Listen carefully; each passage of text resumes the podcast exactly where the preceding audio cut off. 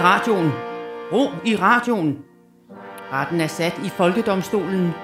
De ærede dommere er Mikkel Rask og Tjelle Vejrup fra henholdsvis Østre og Vestre Landsret.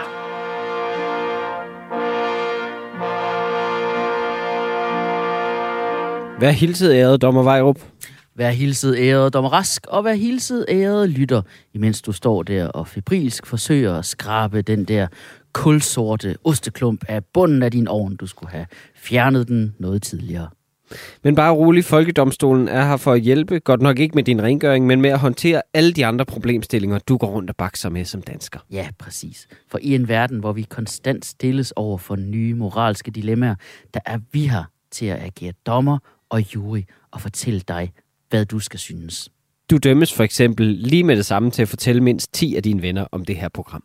Ja, velkommen til Folkedomstolen. Folkedomstolen præsenterer sag nummer 1. Ja, og nu bliver det kontroversielt. Jo, Lige fra starten. Uh. Jeg skal anklage en stor fisk, oh, kulturelt set. okay. Og det er ikke dronningen, eller? Nej, det er meget værre. Åh.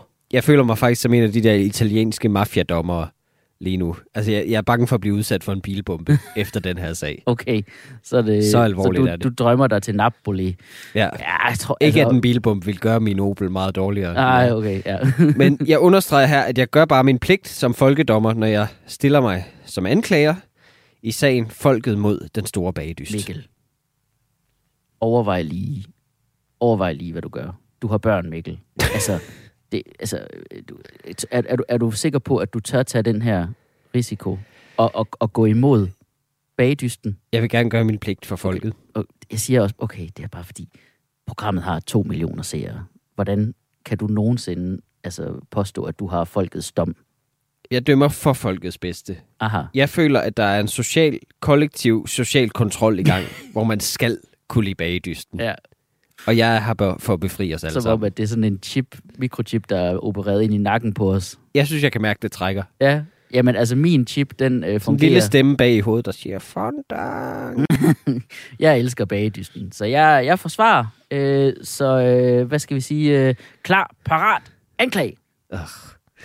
Okay. Øh, mit første anklagepunkt imod den store bagdyst som program, det er, at det er frustrerende. Det er et frustrerende koncept at lave kager i fjernsynet. Fordi jeg bliver jo lækkersulten af at se det, men der er ingen måde, jeg kan få kagerne. Det er Nå. grundlæggende mit helt store klagepunkt. Altså, Det er, at der er ikke noget punkt i det program, hvor jeg får kage. okay. Også de, fordi de sender det lige præcis, når bagerier har lukket. Altså, det, det er jo ligesom at blive tvangsindlagt til at se porno, men med hænderne bundet, så du kan intet gøre. Altså, det- så er det ikke ret, det er ikke ret god kigning. Okay, du, altså, det lyder ret meget som din primathjerne, der taler lige nu. Altså, Ja. sådan din, din, din en, altså, det, kan, kan du ikke styre den, eller hvad? Altså, det der, Ikke når det angår kage, nej. jamen, du lyder lidt, det er bare fordi, du lyder lidt som Nasser Carter, der retfærdiggør sine handlinger med, at damer jo er så lækre, og nu har han jo ligesom lært karate. Jeg, jeg, jeg er nasser kager. øhm, nej. Jeg synes bare, det, det et program, der er også noget galt med selve programmet, øh, er min næste anklagepunkt. Fordi jeg synes meget, programmet illustrerer forskellen på pæne kager versus lækre kager. Der er et modsætningsforhold der. Jeg ved godt, de går op i, at det skal smage godt, men det ved vi jo teknisk set ikke, om det gør. Mm. Vi kan jo kun se det. Og hvor, hvorfor skal der være sådan et skønhedsideal for kager i medierne? Jeg synes, fondant burde forbydes. Ja. Det er ikke lækkert. Det smager ikke godt. Det er kun fordi, det er nemt at forme. Det er bare smeltede skumfiduser. Ja. Altså, det, det er ligesom at sige, at jeg har lavet verdens højeste kage, og så har du bare smurt lidt kagecreme på siden af en skyskraber. det meste her er ikke spiseligt. altså, hvis det hele ikke er ment til at spise, så har du fejlet i min bog. Jamen, altså, de, de har jo også kage, lim og alt sådan noget. Ja, det er så ulækkert. Prøv, jeg, vi spiser jo også med øjnene, Mikkel. Altså, og næsen. Det, Så, så har du ondt i øjnene, hvis du spiser med øjnene. jamen, jamen, det er jo nærmest kun halvdelen af smagssansen, der reelt sidder i munden. Så ja, ja, der, der gøres meget ud af udseendet på noget, vi skal spise. Men vil du foretrække, at de fik opgaven med at lave, lave en kage, der smager helt fantastisk, men øh, ligner en stor dampende lort med bræk på? Ja, det er alle gode chokoladekager, som man laver derhjemme. Det er præcis dem, du lige har beskrevet. De ligner virkelig afføring. Sådan en blødende chokoladekage. Ja, en bløden eller en sådan svampet brownie. Ej, det er godt. Nå, men, men folkesundheden, eller sådan nogle havgrynskugler, folkesundheden er jo i fare også på grund af det her. Det er jo ikke kun mig, der får lyst til kage af det program. Altså, jeg elsker, at Danmarks Radio kører Danmark i bevægelse i en uge om året. Det har det været deres tema og sådan noget. Her er tre grønne ovnretter på DR.dk, og så er det ellers bare primetime smeltende chokoladekager ud over Okay. det hele. Så du synes, der er for, der er for stor sådan, øh, øh, forskel i vægten? Det kan ikke være public service, at de bare gør os lækkersultne mere. Men hvad, det hvad, er vi i forvejen. Men hvad skulle de så gøre? Skulle de vise motion på tv i stedet for? Det er der, det er ikke nogen, der gider se. Jeg gider ikke noget. Jeg gider sgu da ikke se nogen lave, øh, dyrke motion. Hvad hvad skal man bruge slangetips til, hvis ingen ser dem?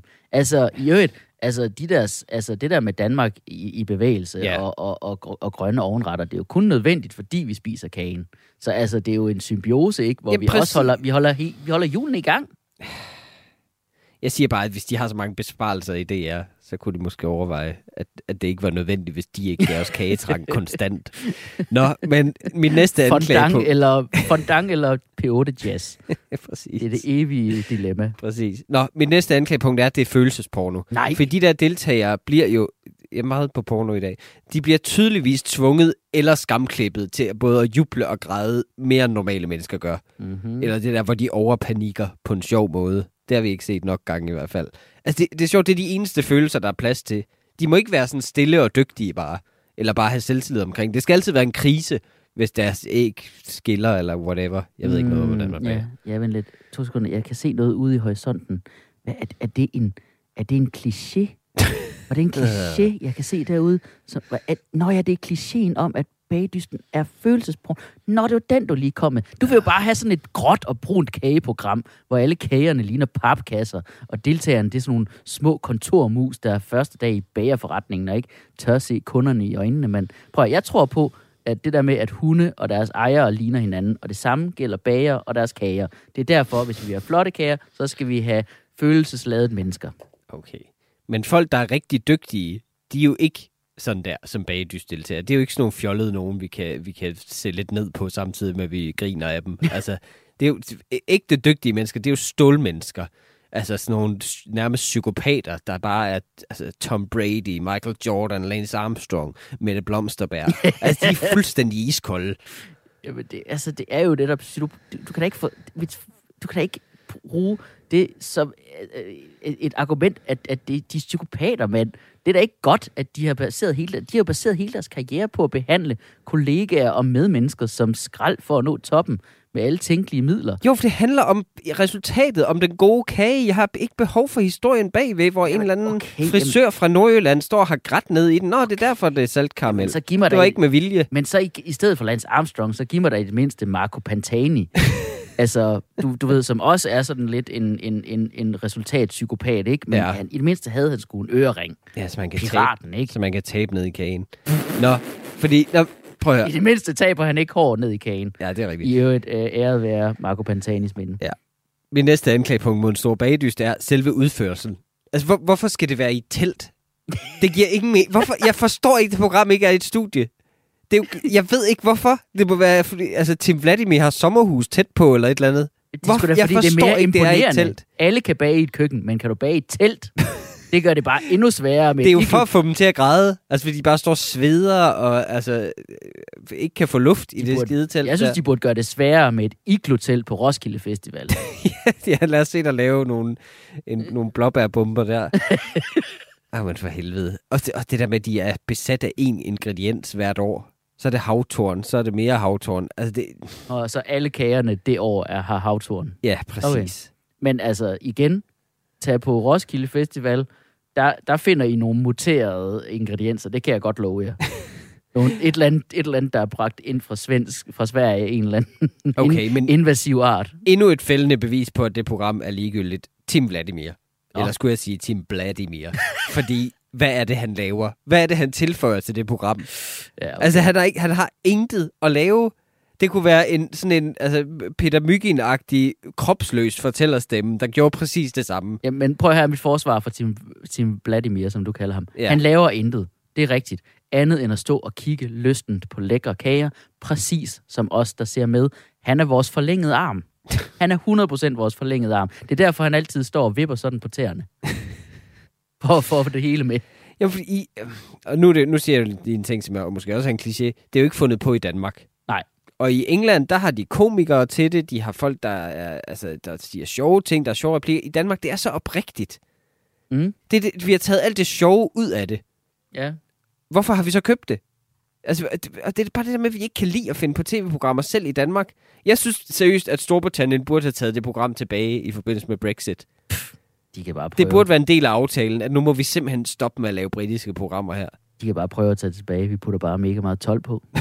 Kom an. Så kan vi kun få sådan nogle små bitte kager. Okay, vi kan lige nå øh, et enkelt argument mere, ja, tror jeg. øhm, jamen det, det er, altså, mit anklage er bare, at det bedøver, det bedøver simpelthen hjernen. Mm. Altså også fordi det er endnu en amatørkonkurrence. Altså vi har, vi er, som om vi har vendet os til, at ingen må kunne noget helt på højt niveau på fjernsyn. Ja. Altså vi er kulturelt set som sådan en frø, der er blevet sat i en gryde kogende vand. Eller, eller hvis jeg skal blive i din verden, som et stykke vaniljeis i en butterdej. Altså det er sket så langsomt, at vi ikke mærker varmen. Ja. Ja. Det der varme, sukkersøde lag af dumhed. Ja. I form af fondant, der bare lægger sig over os og drukner alle voksne følelser. Ja. Altså, alt bliver sådan til et en, en middelmåde flødeskum. Okay, men altså, det er jo... pff, Altså, vi har brug for at blive bedøvet. Altså, og, og, og jeg har det, jeg har det på præcis... Du, jeg, jeg kan godt se, hvad du mener. Ja, vi er blevet fuldstændig lullet i søvn og alt det der. Men jeg har det præcis ligesom med overdragelsen af alle vores data til Google. Jeg er ligeglad. Fordi hvis jeg kan være bedøvet... Hvis det virker. Jamen, hvis, så, så må jeg være bedøvet. Men hvis jeg er bedøvet i en tyk fondant, så er det bare helt i orden, så længe fondanten forestiller noget pænt. Nå, Okay, vi har brug for et vidne her. Og Ja. jeg har faktisk helt eksklusivt skaffet et, Okay. som har haft næsten direkte kontakt til bagdysten. en, som har haft altså, direkte kontakt til bagdyst. An, andenhånds direkte kontakt. Folkedomstolen indkalder til vidneskranken. Anklageren indkalder Julie Højen. Okay. Jamen, det glæder jeg mig til at høre, hvad hendes øh, næsten direkte kontakt er til Ja. bagdysten. Skyde nummer er ikke i brug. Nå. Kontroller venligst nummeret og prøv igen. Okay. Okay, ah, men det er også fordi, jeg har trykket det forkerte Please nummer. check the number okay. Ja, try det er simpelthen så åndssvagt, altså. I kan da ikke, det kan I da ikke bede mig om. nu stiller I for store krav til mig. Der var den.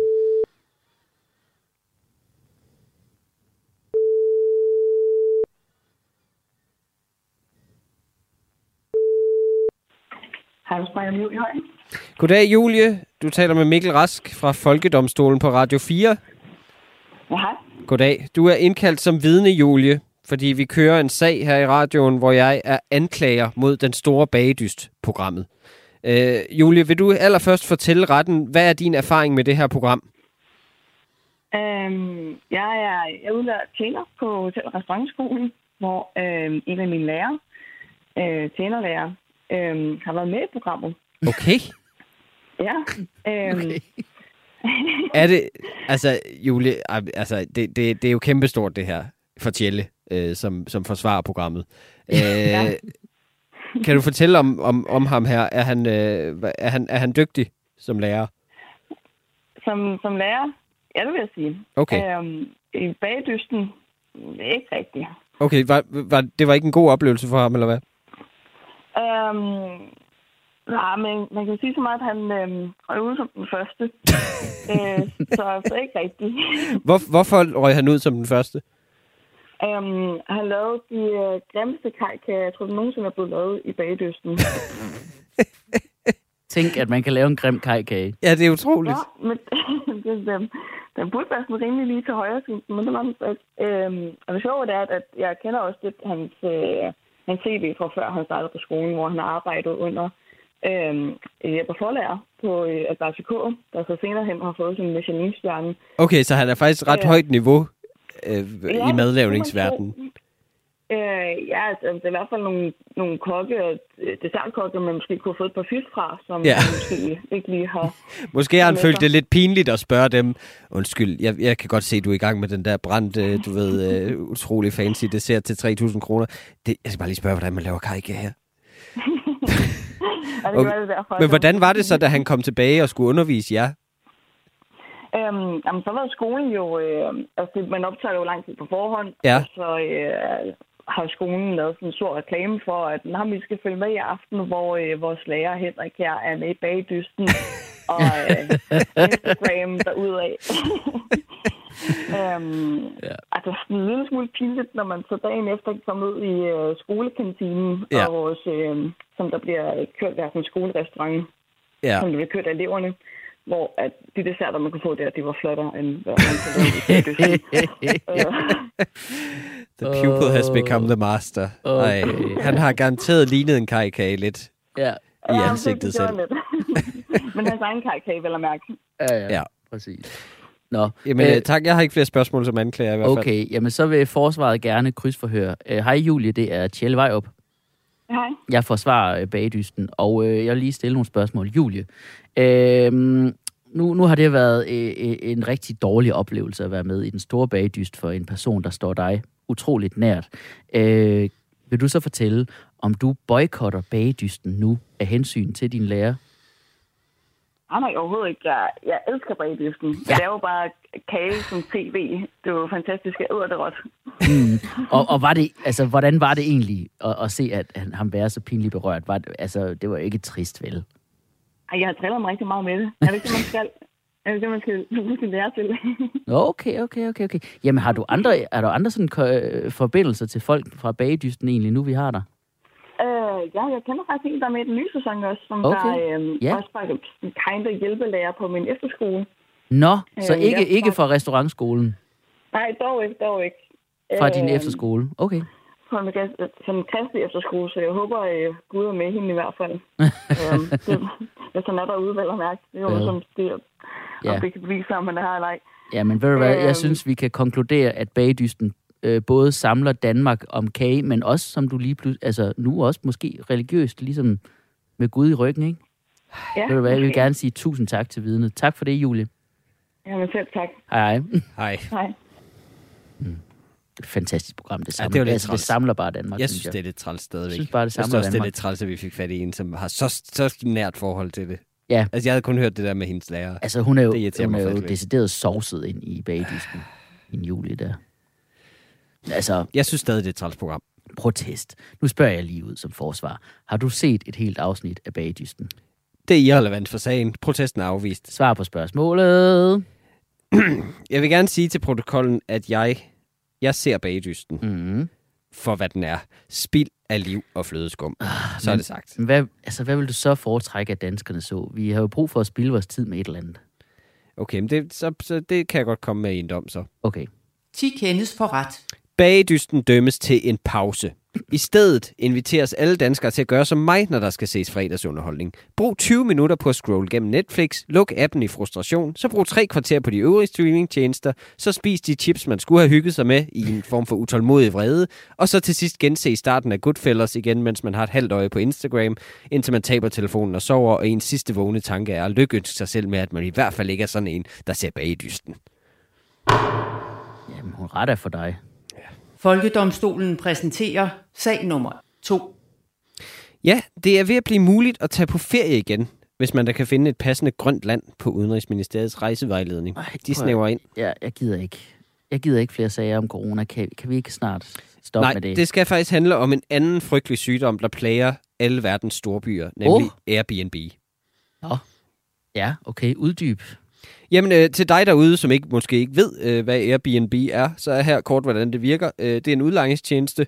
Øh, du laver simpelthen en profil øh, derinde, tager nogle billeder af dit hjem, lyver på det groveste om dit hjems beskaffenhed, så får du en booking, så rejser du væk, og så kommer der fem russere og skider på dit køkkengulv. Mm-hmm. Øh, så det er cirka sådan, det foregår. Så jeg stiller mig som anklager i sagen Folket mod Airbnb. Yes, jamen ved du hvad, så tror jeg, at jeg vil forsvare Airbnb, øh, fordi, du ved, jeg er for familiefar, du er familiefar, der var lort på vores gulv i forvejen. Har jeg nogensinde fortalt om den gang, at øh, Palle, han gav mig en, en lort i hånden. Min søn gav mig en lort i hånden. Jeg stod ude i haven, og han rendte rundt i bar røv, Ja. ja. og så på et tidspunkt, så kommer han hen og rækker sin hånd frem og siger, her far, og jeg tager det bare fuldstændig øh, sådan, altså instinktivt, og kigger, og så er det lort. Så er det lort i hånden. Og han var 28 år gammel. Ja, han skal også snart flytte hjemmefra. Øh, mit første anklagepunkt imod Airbnb, Nå ja, det er, at, øh, at det smadrer simpelthen byer. Det kan godt være, at det bliver lidt tørt nu, men det gør jo faktisk, at lejlighedspriser stiger helt vildt. Fordi folk opkøber lejligheder, folk med mange penge opkøber lejligheder, så bruger de dem bare på at lege ud, presser prisen op.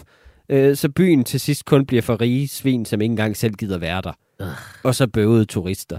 Mm. Altså snart, det, det, der skal ikke gå ret længe i de store byer, før det der spørgsmål, hvor spiser de lokale, det kan kun besvares med jamen, 40 km fra centrum, for det er det eneste, de har råd til. Øh, ja, men prøv at høre, det, det, her, mit forsvar er, at der er der ikke nogen, der gider bo i midten af byen alligevel. Det er det evige argument, at centrum af de store byer bliver gentrificeret, og der bor ikke nogen almindelige mennesker. Men prøv at centrum af de store byer, for eksempel København, er jo hæslige steder. Hvorfor skulle jeg gide bo der? Der er ingen parkeringspladser, gaderne er smalle, der er ikke noget luft eller lys. Fuck det, mand. Giv det lort til oliesjejkerne.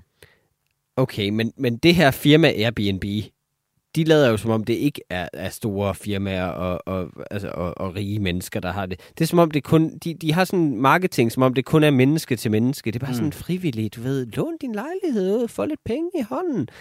Men hvis det bare er det, hvorfor er det så, vi har brug for dem som portal? Altså, int- vi har internettet. Alle kan bare lave et opslag. Er der nogen, der kunne bruge en lejlighed for 1000 kroner? Det kunne bare være en Facebook-gruppe. Mm. Altså, det firma, det er ligesom en Alfons. Altså, det er fuldstændig unødvendigt led i udvekslingen, og presser prisen op, og har en ret ulovlig vibe. Lad os ja. sige det sådan. Okay. Jamen, prøv at, altså... Jeg, Airbnb er nemt, og jeg ved, at komfort, det er det vigtigste for dig, så jeg forstår ikke, hvorfor du er så meget imod det. Okay, det kommer jeg til i min næste anklagepunkt. Det er den værste oplevelse at bo i Airbnb. Det er ligesom at bo i en vens lejlighed, bare uden at have en ven.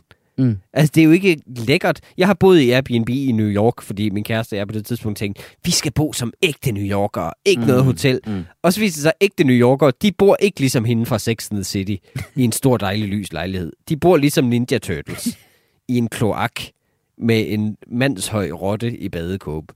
altså, de havde låst ind til deres soveværelse. Vi, vi måtte kun sove i stuen. Og jeg tænkte, nå, det er fint. Altså, det er måske er soveværelset der, de har deres værdier. Eller også ligger der et lig derinde. Det kunne, man, det kunne lige så godt være. Uanset hvad, nu er vi her. Lad os sætte en masse fingeraftryk. altså, og så, så lå, lå vi der på sådan en hård so- sovesofa i stuen. Altså, og vi var ikke engang de eneste, der havde booket i perioden. De havde dobbeltbooket, åbenbart. Med sådan en familie af kakelakker.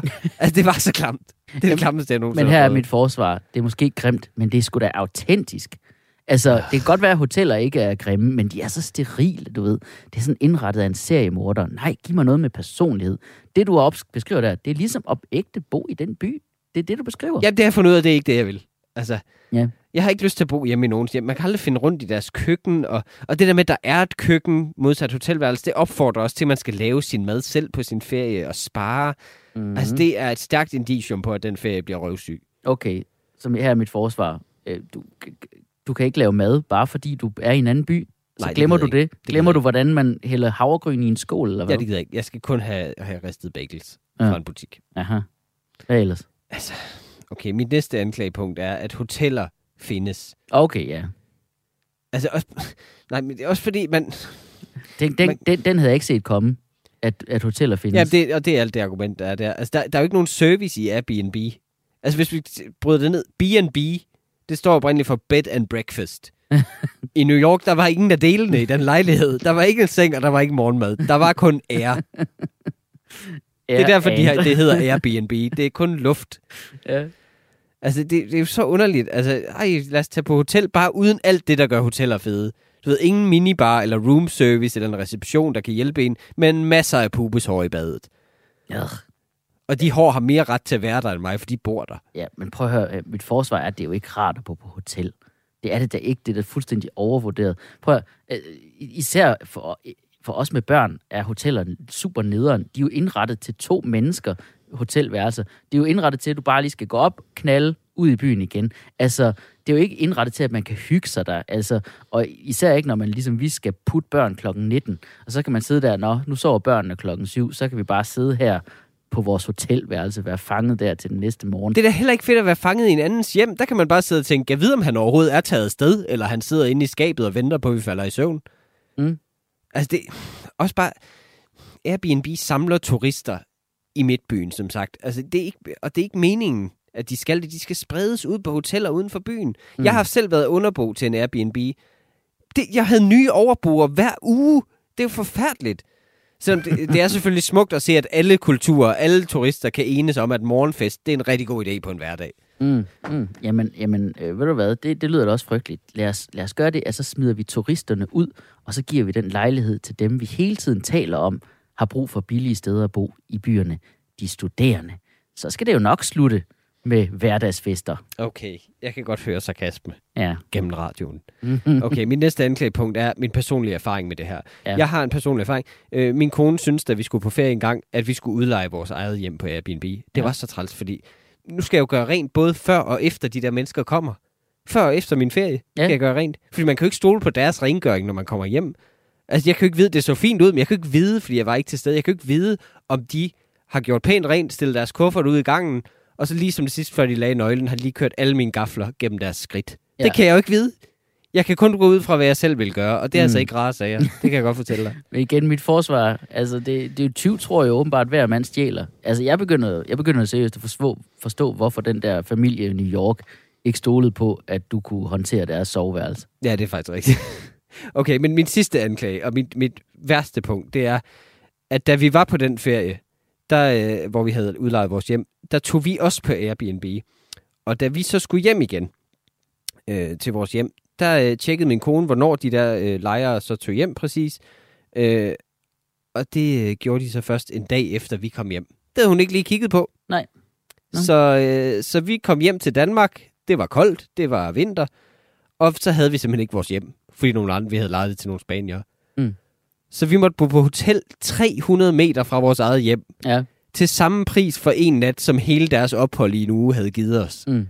Så det var fuldstændig ligegyldigt. Og vi gik hele dagen, vi havde kun sommertøj med, så vi gik hele dagen og frøs i vores eget lokalområde. Ja. Og stod uden for vores eget hjem og prøvede at kigge ind.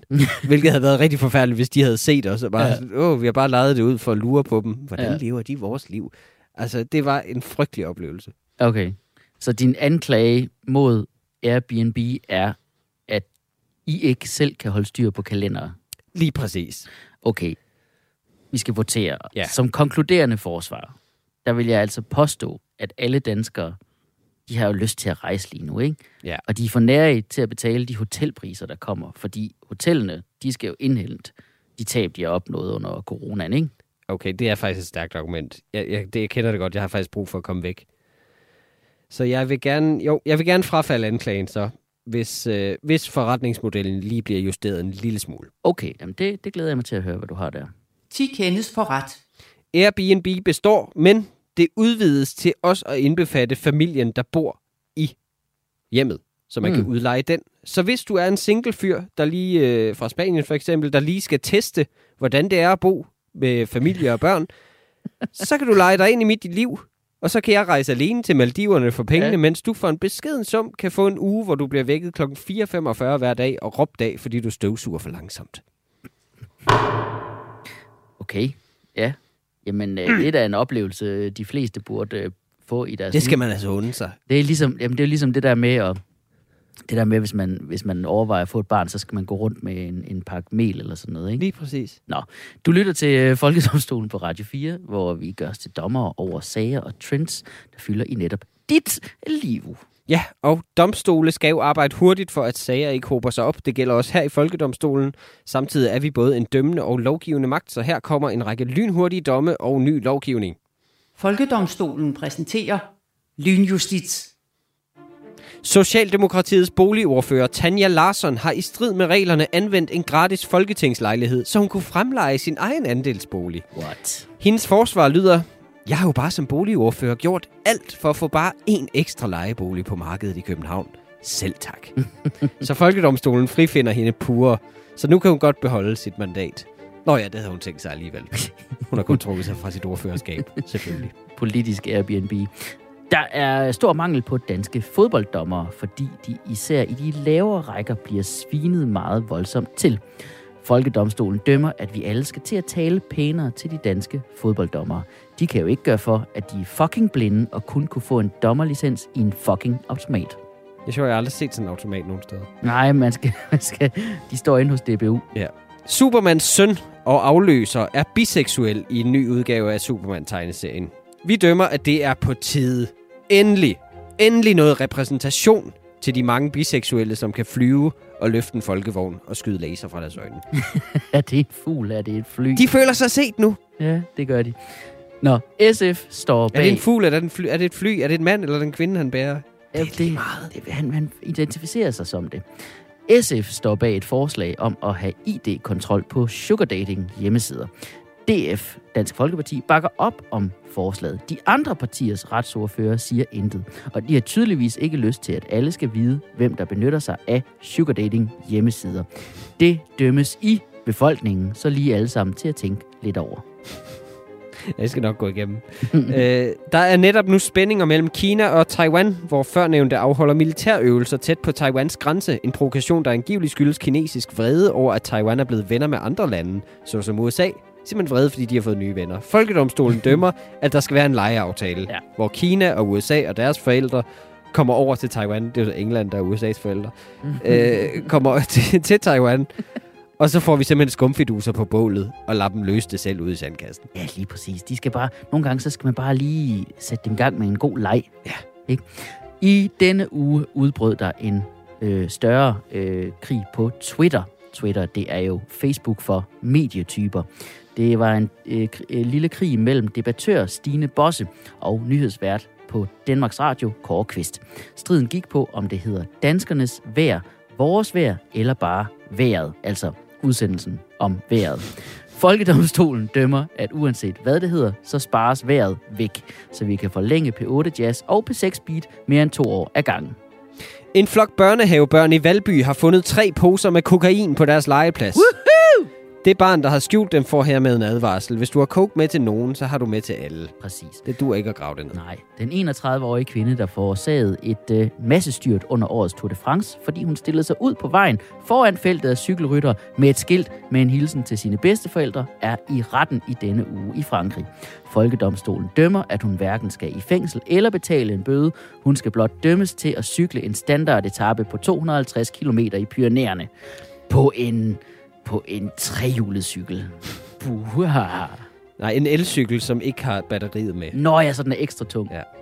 EU har netop forbudt det kræftfremkaldende stof E171, som blandt andet findes i lakridsæg og skolekridtslik. Folkedomstolen forbyder hermed alle, der kunne finde på at bruge den her sag som undskyldning for at sige, så lad os købe noget sundt slik, for eksempel nogle tørrede mango. øh, Øh, efter at magasinet Playboy, der historisk set har været et sted, man gik hen for at se på nøgne damer, nu har haft en homoseksuel mand på forsiden, dømmer Folkedomstolen, at andre medier skal følge trop og være mere woke. Dermed skal for eksempel Berlingske hver måned have mindst én klumme, der ikke er hverken racistisk eller sexistisk. Retten anerkender, at det bliver svært og en meget stor omvæltning. Men hvis Play- Playboy kan komme ind i det 21. århundrede, så kan I også Tom Jensen og Berlingske. Det er faktisk tvivl om, de kan. Det er også meget tvivl. I løbet af 15 måneder er hackere brudt ind i mest... I løbet af 15 måneder er hackere brudt ind i mindst 13 danske kommuner. Hackerne dømmes til at fortælle os andre, hvordan man så nemt kommer igennem til kommunen. ja, helt ærligt, fortæl os det lige. Åh, nå. Jamen, øhm, Vi skal bare videre, ikke? skal vi ikke bare videre til næste sag? Folkedomstolen præsenterer sag nummer 3. Dette er Folkedomstolen på Radio 4, et af kanalens to bedste satireprogrammer. Jeg hedder Mikkel Rask. og jeg hedder Tjelle Vejrup. Og øh, Mikkel, lad mig lige spørge dig. Har du det godt? Er du, er du mentalt med? Kan du mærke dig selv i det, du laver? Øh, jo, jeg har det fint. Jeg, jeg ved godt, du kan lige at mærke dig selv på Ja, arbejdet, kan- men det synes, jeg, det synes jeg ikke er relevant. Jeg ved heller ikke, hvorfor det er relevant at spørge mig i det program, vi er med at lave, ved at lave her. Jamen, det er præcis. Dit, dit, dit mentale helbred er nemlig pisse irrelevant for det produkt, vi leverer. Og alle vil skide på det, så længe vi udkommer en gang om ugen. Okay, hvis jeg kender dig ret, så er du ved at lave et eller andet langt fortænkt oplæg til en sag Præcis her. ligesom i... Lad venligst være med at tale i mine kunstpauser, Mikkel. Ja. Præcis ligesom i sport. Man kan... man, kan efter, prøv, man kan efterhånden ikke åbne en avis eller hjemmeside med sportsnyheder, uden at få proppet historier om mega rige atleter, der har lidt af af på sjælen. Og uh og nej, og bare stoppet ind i fjeset, og jeg er træt af det. Så derfor, der vil jeg faktisk gerne anklage alt den her snak om mental sundhed i sport. Hvad siger Okay, du til dem? det, det, vil jeg, det vil jeg meget gerne forsvare. Okay. Mit første anklage er, at det bliver forfladiget, øh, hvis det inkluderer alles periodiske tristhed. Altså, depression bliver forfladet, eller hvad? Det- altså, hvis man ja, ja, siger, at atleter også har det. Mentale problemer bliver forfladiget, fordi at de alle sammen kommer ud og har det. Se, lige nu er, har vi jo hørt meget om Simone Biles, øh, gymnasten, og Ja. nu, og nu er der også øh, fodboldspilleren Neymar. Alle kommer ud og siger det lige nu, at de har det skidt i deres hjerner. Det når bare til et punkt, hvor man ikke gider høre på det mere. Ligesom alle over 50 i dag, der er overbevist om, at man bare kaster ADHD-diagnoser i øst og vest. Sådan bliver jeg også. Jeg bliver bare sådan kold over for det. Okay, men til forsvar for mental sundhed i sport, det, sport er hårdt for psyken. Altså, er du klar over, hvor stresset jeg bliver, bare jeg skal løbe til bussen? Altså, Ah. og, altså, jeg blev traumatiseret bare af skolernes motionsdag. Det var en dag om året. ja, De her mennesker har gjort det til deres karriere. Prøv at se, at skulle lave sport hver dag professionelt, og være forpustet og svedende og lige til at, bes- ved at besvime. Det er jo alt sammen ting, der også sker i et angstanfald. Mm. Altså, hvis du vælger det som profession, så er der jo noget galt med dig. Ja. Der skal du have hjælp. Bare det, at du bliver atlet. Altså, en træningslejr, det er jo, det er jo en form for selvskade. Okay, jeg vil, gerne stå, jeg vil gerne anerkende, at der er meget af det, der er ægte, men vi er seriøst nødt til at skælne mere. Det er min anklage. Vi er nødt til at skælne mere, og ikke give den samme dækning til det hele. Det, der skete for Simone Biles, Ja. af gymnasten, det var ægte. Det var en, en, Ja, en angst fandme. og en, og en fuldstændig mental træthed, der kom af en lang og udmagende sag, som kom af overvis med seksuelt misbrug i det amerikanske øh, gymnastikforbund. Neymar, han har bare sagt, at han ikke tror, han kan orke at spille flere VM efter det her i 2022, fordi han ikke rigtig sådan orker det. Ja, det er ud af til, Tjelle. Men selvfølgelig har Neymar det træls. Prøv at se hans hår gennem hans karriere. Fortæl mig, det ikke er en mand i problemer. Altså, der er nye frisyrer hele tiden. Det er jo et nervøst sammenbrud for øjnene af os. Muligvis har han flere personligheder. Han er jo ikke stre- stresset eller sammenbrudt. Han bliver, spiller fodbold. Hvordan kan fodbold være stressende? De har det sgu da ikke dårligt. De lever drømmen, mand. Igen, øh, eksempel konkret. Bare se på David Beckham. Tror du, han har det godt? Ja, Tror du, han har det godt som menneske? Selvfølgelig har han ikke det. Så meget, som han har skiftet frisyrer, og så meget, som han går op i mode, det dækker over noget til. Åh, så du sammenligner sådan lidt med, altså, at han sådan hele tiden får sådan et Britney Spears sammenbrud på en eller anden måde, ikke? Ja, faktisk. Okay, men prøv at, jeg gider bare ikke, jeg gider bare ikke høre på, at de har samme problemer som os andre. Det, det, jamen, det, det, det, det, er ikke, det er ikke meningen, at jeg skal begynde at have, have ondt af dem. De, nej, hvor synd, at du skal tjene formuer, imens du har det træls. Kan du måske, måske bare købe nogle fucking lykkepiller for de der millioner? Vil du kunne få dig igennem din halvanden time lange arbejdsdag to gange om ugen? Ah, okay, okay. Som forsvar vil jeg godt lige sige, de har det langt værre end os to. Prøv at tænke, hvor deprimerende det er at være fodboldspiller. Ens karriere slutter i midt-30'erne. Det er der, vi er nu. Vi er pensionsmodne, hvis vi var fodboldspillere. Mm. Og vi var også meget overbetalt, hvis vi var fodboldspillere. Fordi det har ikke været godt forholdet. Og så prøv at tænke at være fodboldspiller og blive pensioneret som 32-årig. Så er der bare 60 år mere af dit liv, fordi du lever længe, du er i god form. Men hvor du ingen mening har med livet overhovedet.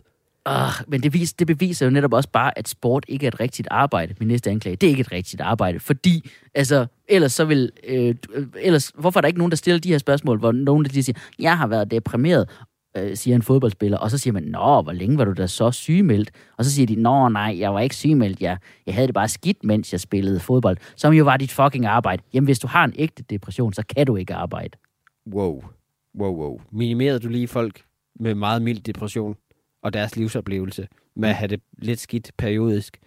Som forsvar kan jeg også lige nævne, at deprimerede sportsfolk, de fortjener alt. Og det gør de, fordi de faktisk endegyldigt modbeviser den der selvhjælps fitness bro tilgang til mental sundhed. Den der, det skal bare trænes væk. Løb en tur. Mm. Men, men jeg har kemisk ubalance. Ja, du tager ikke nok steroider. Altså, det er jo folks løsning på alt. Mere, dyrk mere sport. Det gør de her mennesker, og det hjælper stadig ikke. Okay, prøv at, det, det, altså, det er bare fordi... det, Hashtag depression is real. det handler jo bare om, om res- resultater. Og, og, og atleter er jo ikke, altså de skal ikke hygge sig, de er værktøjer. Og, og, og, øh, og, øh, og prøv at høre, vi, vi, vi har været ret forskånet for det her i dansk sport. Bortset fra svømmerne, som blev ret øh, smadret Ja, for nogle år siden. Ikke? Men, men prøv de, de, de danske atleter må bare ikke opdage, at det kan være en ting, det der med, at man kan klage over at have psykisk ubalance. For det er i forvejen umuligt at motivere danske atleter, på grund af det der danske sikkerhedsnet og alt det med hyggen. Det er lige med middelmådighed. Vi får aldrig exceptionelle atleter, fordi vi ikke har presset dem og deres familier med hjemløshed og alt muligt. Jo, men det er jo så heldigt. Altså, det er jo så heldigt, at vi ikke behøver at have gode sportsresultater for at være et lykkeligt folkefærd. Det er nærmest det modsatte. Det er jo et kæmpe sundhedstegn, hver gang Danmark klarer sig skidt i en sportsdisciplin. Så kan man se den der atlet, en eller anden dansk tennisspiller, der får massive tæv, Og så kan man varme sig ved at tænke, gud, hun har faktisk haft et rigtig godt forhold til sin far, tror jeg. Øh, okay. Prøv Hun er ikke blevet presset. jeg, jeg, jeg, Men, at se, øh, men, vi er nødt til at votere. Mener Ja. du seriøst ikke, at atleter har ret til mental sundhed overhovedet? Jo, men vi hører bare kun om atleters mentale udfordringer, og det er strengt mod os andre, der ikke er atleter. Alle har da ret til at have mental sundhed. Jeg synes lidt, det lyder som den der argumentation fra det der All Lives Matter, i stedet for Black Lives Matter. Altså de der tydelige racistiske typer, der prøver at minimere sortes kamp for at blive behandlet bedre, fordi jamen, alle fortjener at blive behandlet godt. Jo, men nu snakker vi lige om sorte mennesker. Jamen, hvad med alle mennesker? Øh, okay, dem vil jeg ikke sættes i bås med. Det ved jeg nemlig godt. Ja. Øh, hvad gør vi så med de her atleter og deres mentale sundhed? Okay, øh, jeg tror, jeg har en idé til en dom. Den kommer her. 10 kendes for ret.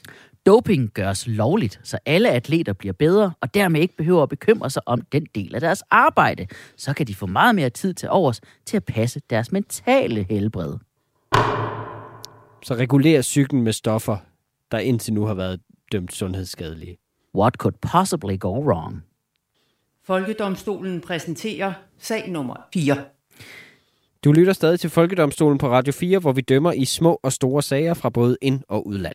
Ja, og apropos udland, så har min far lige været på cykelferie på Mallorca. Og så ved du, at der er anekdoter. Jamen, det er som om fædres rejseanekdoter primært handler om, hvor meget alkohol de har drukket. Det er nemlig lige præcis, jamen det er lige præcis det. Så, så stoppede vi ind på den her bar, så var der en bar, så var der en bar, så var der en bar. Ikke? Og det er også sådan, min, min fars rejseanekdoter er. Så han ja. øh, sad og, og fortalte, og så sagde han, jamen, og vi fik bare mucho birras. Hvilket ja. skærer rigtig meget i mine ører, fordi birra, birra er italiensk for øl. Altså Ja. ja. på spansk, der hedder det cerveza. og jeg kan ikke, altså jeg, jeg får det sådan lidt skidt med at vide, at han har stået, altså alle tjenere på Mallorca har haft besøg af min far på hans fucking cykelferie, hvor han har sagt birra, og de har bare været sådan lidt, Kommet cyklende danskere. whatever. Ja, nu kommer han sidder Også der med de alle sammen, de, jo, de kan jo alle sammen det danske ord for øl, fordi der findes rigtig mange danskere, som ikke engang gider lære Ja, ja. nogen af dem. Nogle Ja, af dem de der. gider ikke engang sige det på engelsk. Nej. Nej. Gud, det er sjovt. Men, Ja. det, men det er jo en af charmerne ved, at vi har forskellige sprog. Ja. Det er da meget sjovt. Jeg ved ikke, om jeg kan se charmen i det. Øhm, Okay. Så jeg tror, jeg vil faktisk gerne stille mig som anklager i sagen mod, at vi har forskellige sprog. Altså, okay. jeg, synes, det, jeg, jeg synes, det her det er et tydeligt eksempel på, at vi faktisk bare bør tale et fælles sprog på hele verdens plan. Jamen, det, det er en perfekt plan. Det gik jo så fint, da man forsøgte at gøre det med Esperanto. Det- Den er vi jo alle sammen med på. Det er lige om lidt slår det igennem. Min første anklage mod at have flere sprog, det er forvirrende. Altså, det virkede jo fint nok dengang, man ikke rejste så meget. Dengang alles verdensbillede bestod af de 40 andre, der boede i ens landsby. Nu er verden så international. Du kan ikke engang gå ud og spise, uden at have Google Translate tændt hele tiden. Tak for at få mig til at føle mig så dum street food heller. Okay, som forsvar for forskellige sprog vil jeg sige, det gør jo, at verden ikke bliver kedelig. Nu kan man netop føle sig som en James Bond-agtig globetrottende lingvist. I stedet for, altså, bare bevæbnet med Google Translate, i stedet for at stå i streetfood-hallen og tænke på, at du giver 110 kroner for et eller andet koreansk dampet pizzabrød, som I slet ikke fylder alligevel. Fordi nu tænker du ikke på det, nu bruger du bare energien på at prøve at udtale det. det er en afledningsmanøvre. Ja. Okay, min næste anklage mod flersprog er, at øh, flersprog er jo faktisk decideret Guds straf. Gud brugte det decideret som en straf til menneskeheden. Nå ja. Det var historien om Babelstårnet. Ja. Det var menneskeheden spillet smart i historien om Babelstårnet. Alle talte samme sprog, og det betød, at folk bare samarbejdede pissegodt. Ja. De skabte fantastiske bygninger, og gik i gang med at bygge et tårn, der skulle nå helt op til himlen. Og så smadrede Gud det hele, for han kan ikke tåle, at folk har succes på vegne af sig selv. Så det han gjorde var, som straf, så, så gjorde han, at han gav dem alle sammen forskellige sprog, og de kunne ikke forstå hinanden, og så havde de hinanden, og Babelstårnet blev aldrig bygget færdigt. Tak for lort Gud. Okay. Jeg kan godt se, det er en stor anklage mod vor herre. Øh, men Ja, Jeg vil jeg sige, stiller mig op mod til, ham. til forsvar, så vil jeg sige, at dansk politik alene beviser jo, at selv når folk taler samme sprog, og er tæt på 100% ens på alle punkter nærmest, så er det stadig muligt at skændes helt vildt meget og ikke få gennemført en skid. så jeg tror simpelthen ikke, det er sprogforskellenes skyld, at verden sejler. Okay. Og jeg tror faktisk på, at forskellige sprog er Guds gave til os om Mm. noget. Altså, det, for eksempel det faktum, at så få i verden kan dansk, det er jo en gave. Det er jo ligesom at have en hemmelig indforstået kode med hinanden. Ja. Vi kunne have så meget sjov med det. Vi burde bare lære turister forkerte fraser, bare for sjov. Mm. Altså, vi skrev i alle dansk parlører også de officielle, at du ved, øh, udtrykket, øh, eller sætningen, hvor er rundetårn, for eksempel, den skal udtales, skal vi slås dit røvhul? Og så bare se turister komme i kæmpe problemer. Det vil være så sjovt. Ja, skal vi slås dit røvhul? Ja, det ligger lige herhen. Ja. okay, min næste anklage mod øh, det der med at kunne flere sprog og at have flere sprog, ikke? det er, at man, man har åbenbart ligesom bestemt sådan fra, fra øh, biologiens side, fra, fra naturens side, Ja. at børn kan lære sprog. Altså, du, du ved det der med, Ja, at de alle bare ved, ved det, det børn har nemt ved at lære sprog. De er bare så, deres hjerner er bare skabt til bare at lære sprog. Men det er sgu da spildt på dem, mand. De kan jo ikke fat og udnytte den gave, de har fået, mand. Det svarer til at give Niklas Bentner et gudsbenået fodboldtalent. Han pisser det væk. Og dem, der så, og, og dem, der så lærte en masse sprog som børn. Åh, nu står de og fører sig frem. Åh, irriterende typer.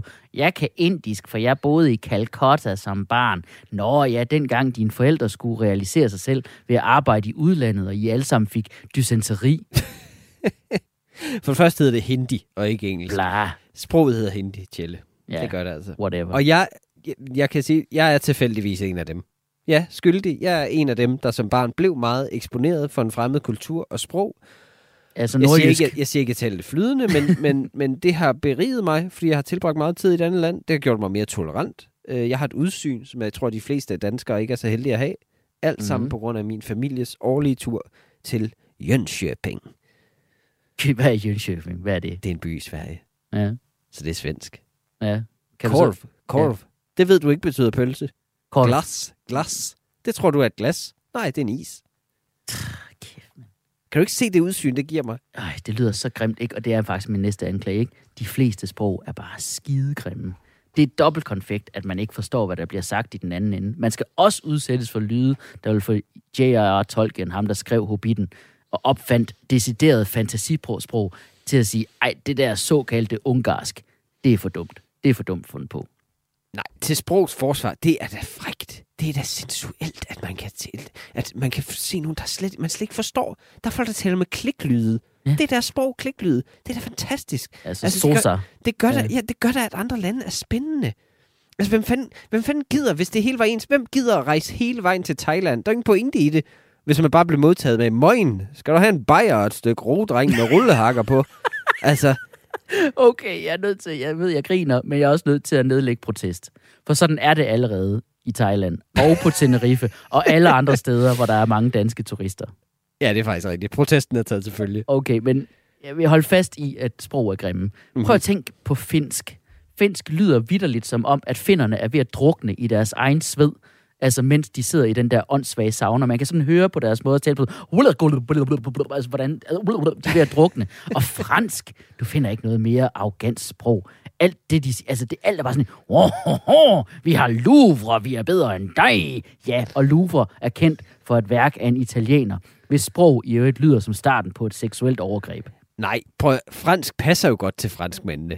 Det vi, ja, det, ja, det er rigtigt, det er et arrogant sprog, men det viser jo, det advarer jo. Før der kommer en franskmand ind i rummet, kan du høre hans arrogante ekko ude fra gangen. Altså, man bliver ikke overrasket. Nej, præcis. Det er jo smart, man kan lære om kulturen gennem sproget.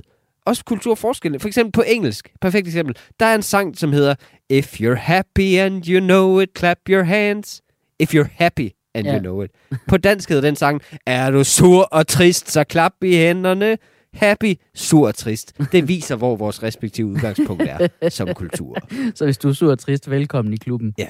Okay. Altså, Okay, vi, vi er nødt til at have et, et vidne eller et eller andet. ind. Ja. Vi, vi sidder trods alt ret trygt her i Danmark, hvor de fleste taler vores sprog. ja. Så jeg tror også, vi skal måske indkalde et vidne, der kan fortælle os, hvordan det er egentlig at være tvunget til at tale andre sprog end sin modertunge hver dag, fordi altså, det, er, det er jo trods alt en lidt, en lidt større udfordring. Så det, det indkalder jeg lige et vidne til. Folkedomstolen indkalder til vidneskranken. Velik Velikov, der bor i Danmark, men faktisk er bulgarer. Det vil sige, at han er fra Bulgarien. Hjemsted for Sunny Beach. Blandt andet. Nej, der er ikke så meget andet.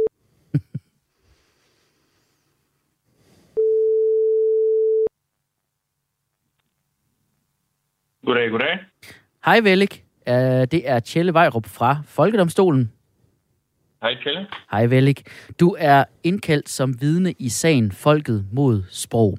Øh, og jeg øh, stiller mig som anklager i den her sag, fordi jeg vil gerne øh, have afskaffet, at der, vi har flere forskellige sprog. Men øh, først, Velik, kan du lige fortælle retten, øh, er det korrekt, at du er fra Bulgarien? Jo, jeg kommer fra Bulgarien. Ja. Jeg kan også se det på bulgarsk. Ja, ja det behøver du ikke. Øh, og øh, Velik, kan du lige forklare, hvor længe har du boet i Danmark? Jeg har været i Danmark i uh, cirka 8 år nu. cirka 8 år, og du taler allerede bedre dansk, end prins Henrik gjorde. Øhm, Velik, Tak. øh, udover at, øh, at du er, er er bulgar og bor i Danmark, så optræder du faktisk også med stand-up på dansk.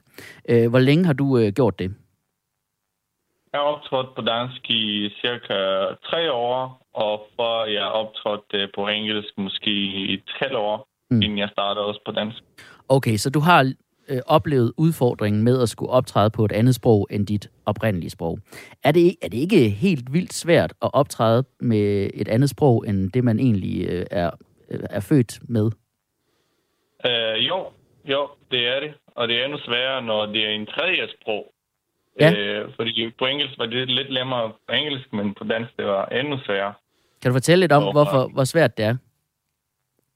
Altså for eksempel, jeg kan huske, da jeg startede, det var, min dansk var endnu dårligere end, end nu, og jeg ville bare tage noget af de jokes, øh, som virkede på engelsk, og bare oversætte dem med Google Translate øh, på dansk. Mm. Øh, og så jeg vidste ikke, om det var bare joken, der ikke virker på dansk, eller om folk ville ikke forstå, hvad jeg siger. og, og så, jeg, jeg havde en, en af mine joke, bedste jokes på den tidspunkt, var noget med, at jeg møder en russisk pige, og hun griner af mig, øh, fordi mit navn på russisk betyder en cykel. Men, men, men hun, hun hed øh, Camilla, som på bulgarsk øh, betyder en kamil. men, men jeg vidste ikke, at øh, Kamil øh, på dansk hedder Kamil, så jeg bare sagde, øh, jeg synes, at en cykel er meget bedre form af transport end en kamel. Og En så, kamel. Og så, en kamel. Og så folk vil ikke grine. Og så jeg vil fortsætte at bruge halvanden minut på at sammenligne en cykel med en kamel. og folk stadig ikke grine. Så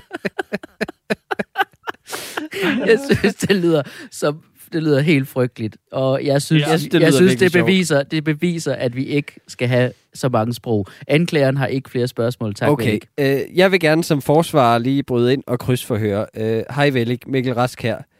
Øhm, Hej, Mikkel. Hej, øh, Velik, er det korrekt, at du stadig altså ligesom bruger det, at du har et andet sprog, og bruger din accent på scenen? øh, jo, det er rigtigt. Ja. Så man kan faktisk nærmest sige, at det er jo, det, det er jo en slags niche for dig, at du optræder på et andet sprog end dit eget. Det, det er du jo ret åben omkring, ikke? Jo, jo, selvfølgelig. Ja. Så teoretisk set, hvis Tjelle fik ret, og alle sprog forsvandt, og alle i hele verden pludselig talte dansk, så, så ville det jo forsvinde, den, den vinkel, den niche, du har på scenen, ikke? Øhm, ja. Ja. Okay, så har anklageren faktisk lige et ekstra spørgsmål, øh, hvis jeg må lige bryde ind. Øh, fordi hvis forsvarets argument bygger på præmissen, at Velik ikke vil have en niche med sin måde at tale på, hvis alle talte samme sprog, men Velik, hvis alle talte dansk, vil vi så også lyde ens? Øh, nej, det tror jeg ikke, fordi der er allerede danskere, der har en sjov måde at tale på. øh, måske, måske de er autister, eller lammede, eller bare fra Nordjylland. Det er godt. Vi siger tak Mange til tak. Tak, til, tak for det, Velik. Tak selv, tak. Hej, hej. Okay. Ja, okay. Jeg synes kun, det argumenterer for min sag, at det er virkelig sjovt, at, øh, at der var det der med kamel og karamel. Ja, Øhm, okay. Men øh, det er jo også nødvendigt at have forskellige sprog, altså sådan rent praktisk. For Ja. eksempel os som familiefædre, vi skal jo kunne tale engelsk foran vores børn, så Mm. man kan aftale ting og aftale at købe chips og slik og sådan noget, uden at de ved det. Altså, hvad skal vi så gøre, hvis alle talte det samme? Så skal man til at lære tegnesprog eller morse. Hov, det er faktisk ikke en dum idé.